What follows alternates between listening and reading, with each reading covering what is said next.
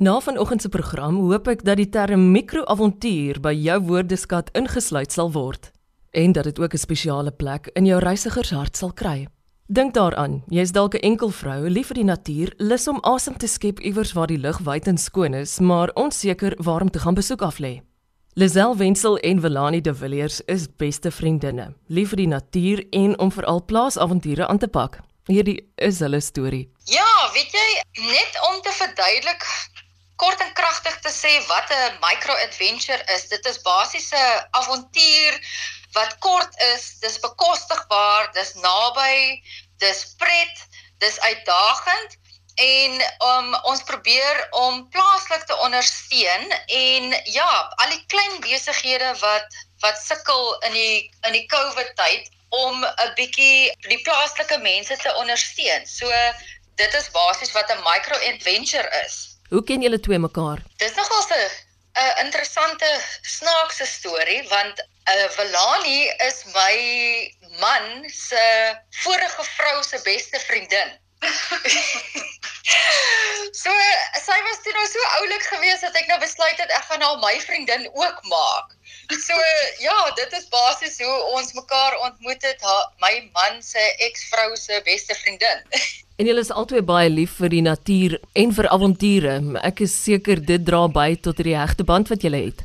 Ja, ons is albei ons hou van van die natuur natuurlik en ons hou van gatskuur en ons hou van travel. So Velani hou ook van ons hou van oorsee gaan. Ons het nog nooit 'n oorsese tripie saam gedoen nie, maar ons hou van travel En ja, so elke nou en dan, ek het nou weer vir Velani gesê ek begin kriewelrig raak, so dis tyd dat ons 'n roadtrip moet vat. So ons tweeetjies spring in die kar en dan ry ons gou-gou vinnig 1000 km en gaan doen 'n hike en gaan bly op 'n plekkies en gaan aan by vriende wat ons lanklaas gesien het en dan doen ons gou vinnige trippie van donderdag en dan sonderdag is ons weer by die huis en dit werk lekker en ons gesels die heeltyd en ons brainstorm en ja, so ons geniet dit. Maar ons is ook baie lief vir die natuur en ons is erg oor oor die natuur. Wat ek mal is oor julle twee is dat dit net weer bewysbaar is dat vroue nie nie hoef bang te wees in Suid-Afrika om alleen te reis nie.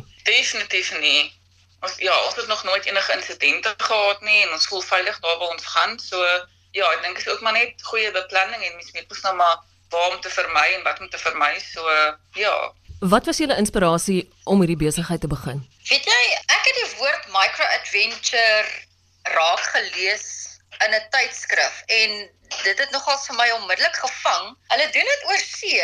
Hulle doen dit nog nie eintlik in Suid-Afrika nie. Ek dink in Johannesburg is daar 'n micro adventure besigheid ook, maar dis nog nie groot in Suid-Afrika nie en ons land is 'n bietjie gevaarlik. Jou micro adventure is eintlik waar jy jy pak 'n 'n rugsak en jy gaan 'n berg in en jy gaan slaap in die veld en jy gaan slaap buite, maar dis bietjie gevaarlik in Suid-Afrika. So ons probeer uh, ons sluit akkommodasie in en dit is nou weer waar ons die plaaslike mark ondersteun. Want ons gee akkommodasie en dan sit ons avonture by die akkommodasie en al die akkommodasie en avonture is op plase. So dis nou weer waar die die boeregemeenskap inkom.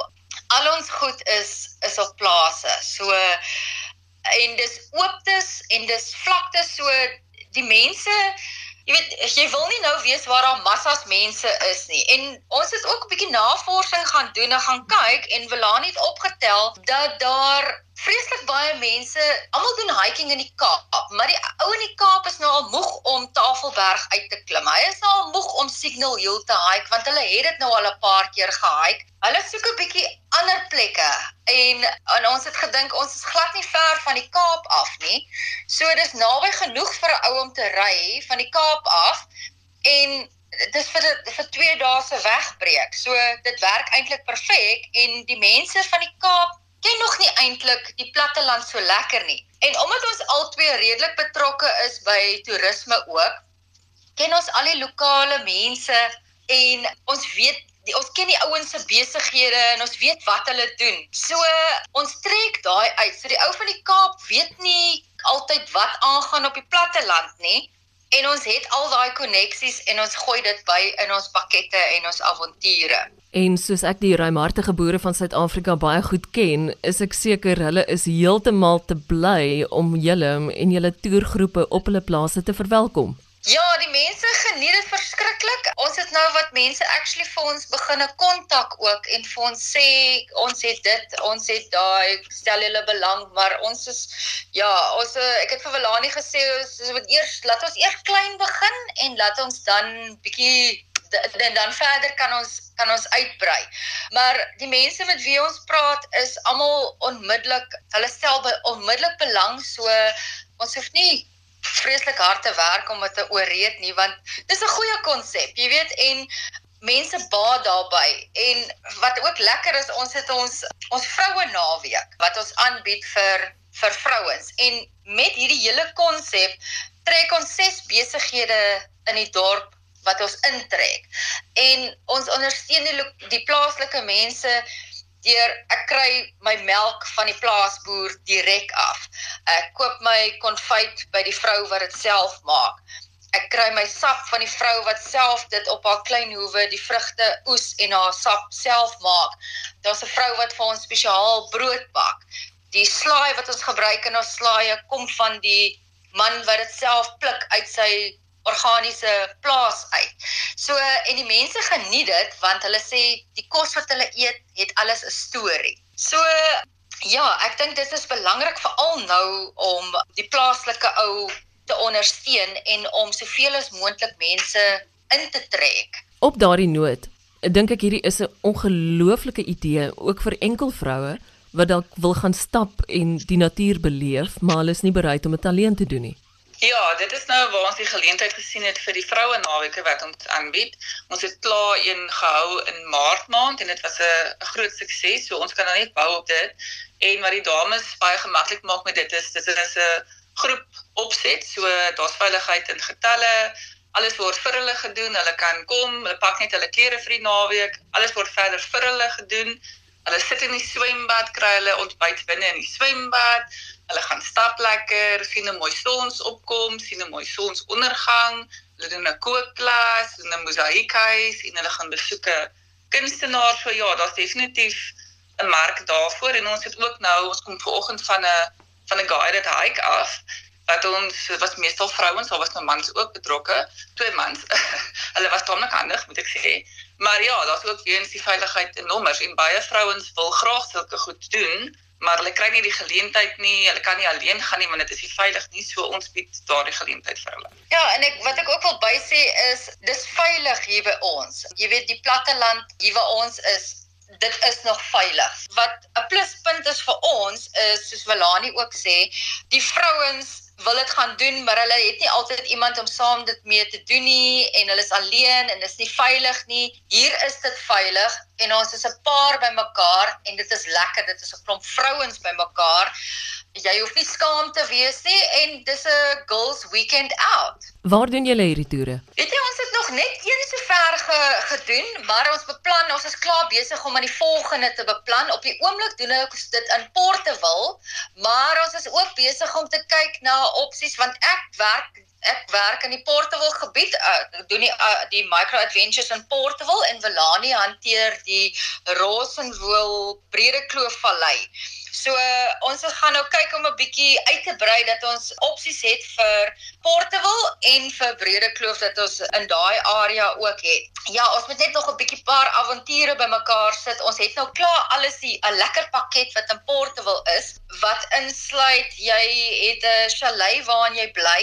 Dit werk lekker as hulle 'n uh, dames van 4 is wat bymekaar want dan kan hulle 'n chalet deel dan bied ons vir hulle twee staptoere aan, 'n oggendstaptoer en a, uh, of 'n early morning hike noem ons dit en 'n sundowner hike.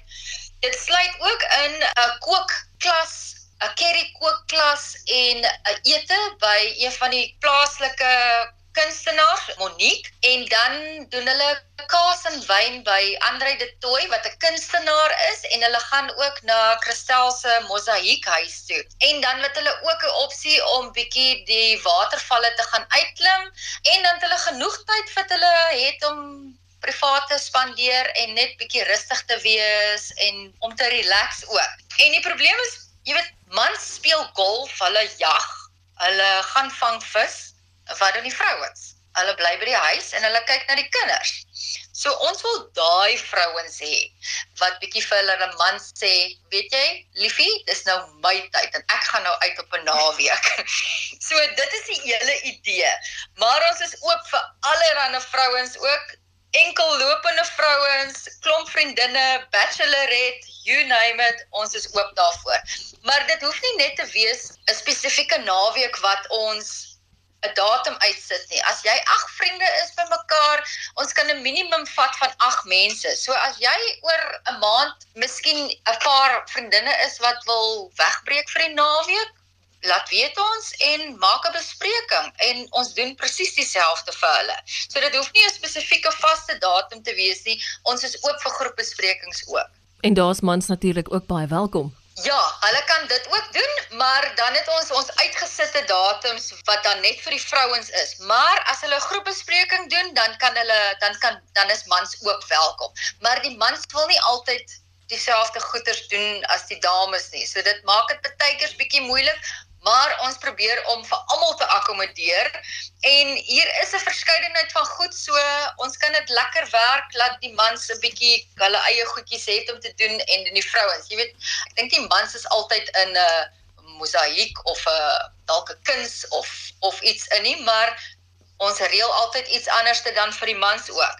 So daar's baie opsies en die hele idee is dan ook om jy weet daai plaaslike besighede in te trek. So hoe meer mense ons het, hoe meer verskeidenheid mense ons kry, hoe meer plaaslike besighede kan ons intrek in die besigheid in. Hulle sê mos woes woester Rosenwil.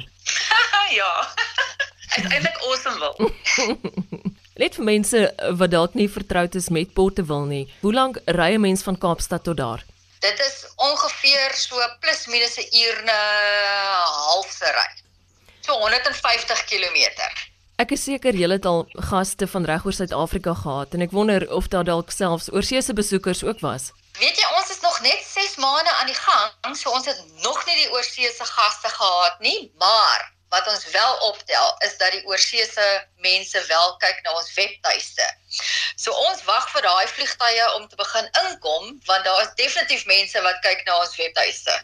Wat is daai webadres? Die webadres is www.westerncape.microadventures.wordpress.com. So en ons het 'n Facebook bladsy ook. So as jy insit Western Cape Micro Adventures, dan gaan hy vir jou dadelik vat na ons Facebook bladsy ook. Volgende week trek ons weer stapskoene aan en besoek plekke waar die gewilde mikroavonture plaasvind. Lisel Wenzel en Velani de Villiers se liefde vir die boeregemeenskappe van ons land en om plase te verken was juis die inspirasie vir hierdie avontuursoek onderneming. Jy het pas geluister na RSG Landbou. Ek is Eloise Pretorius en ek wens jou 'n wonderlike Saterdag. Binnekort kuier ons weer saam. Totsiens.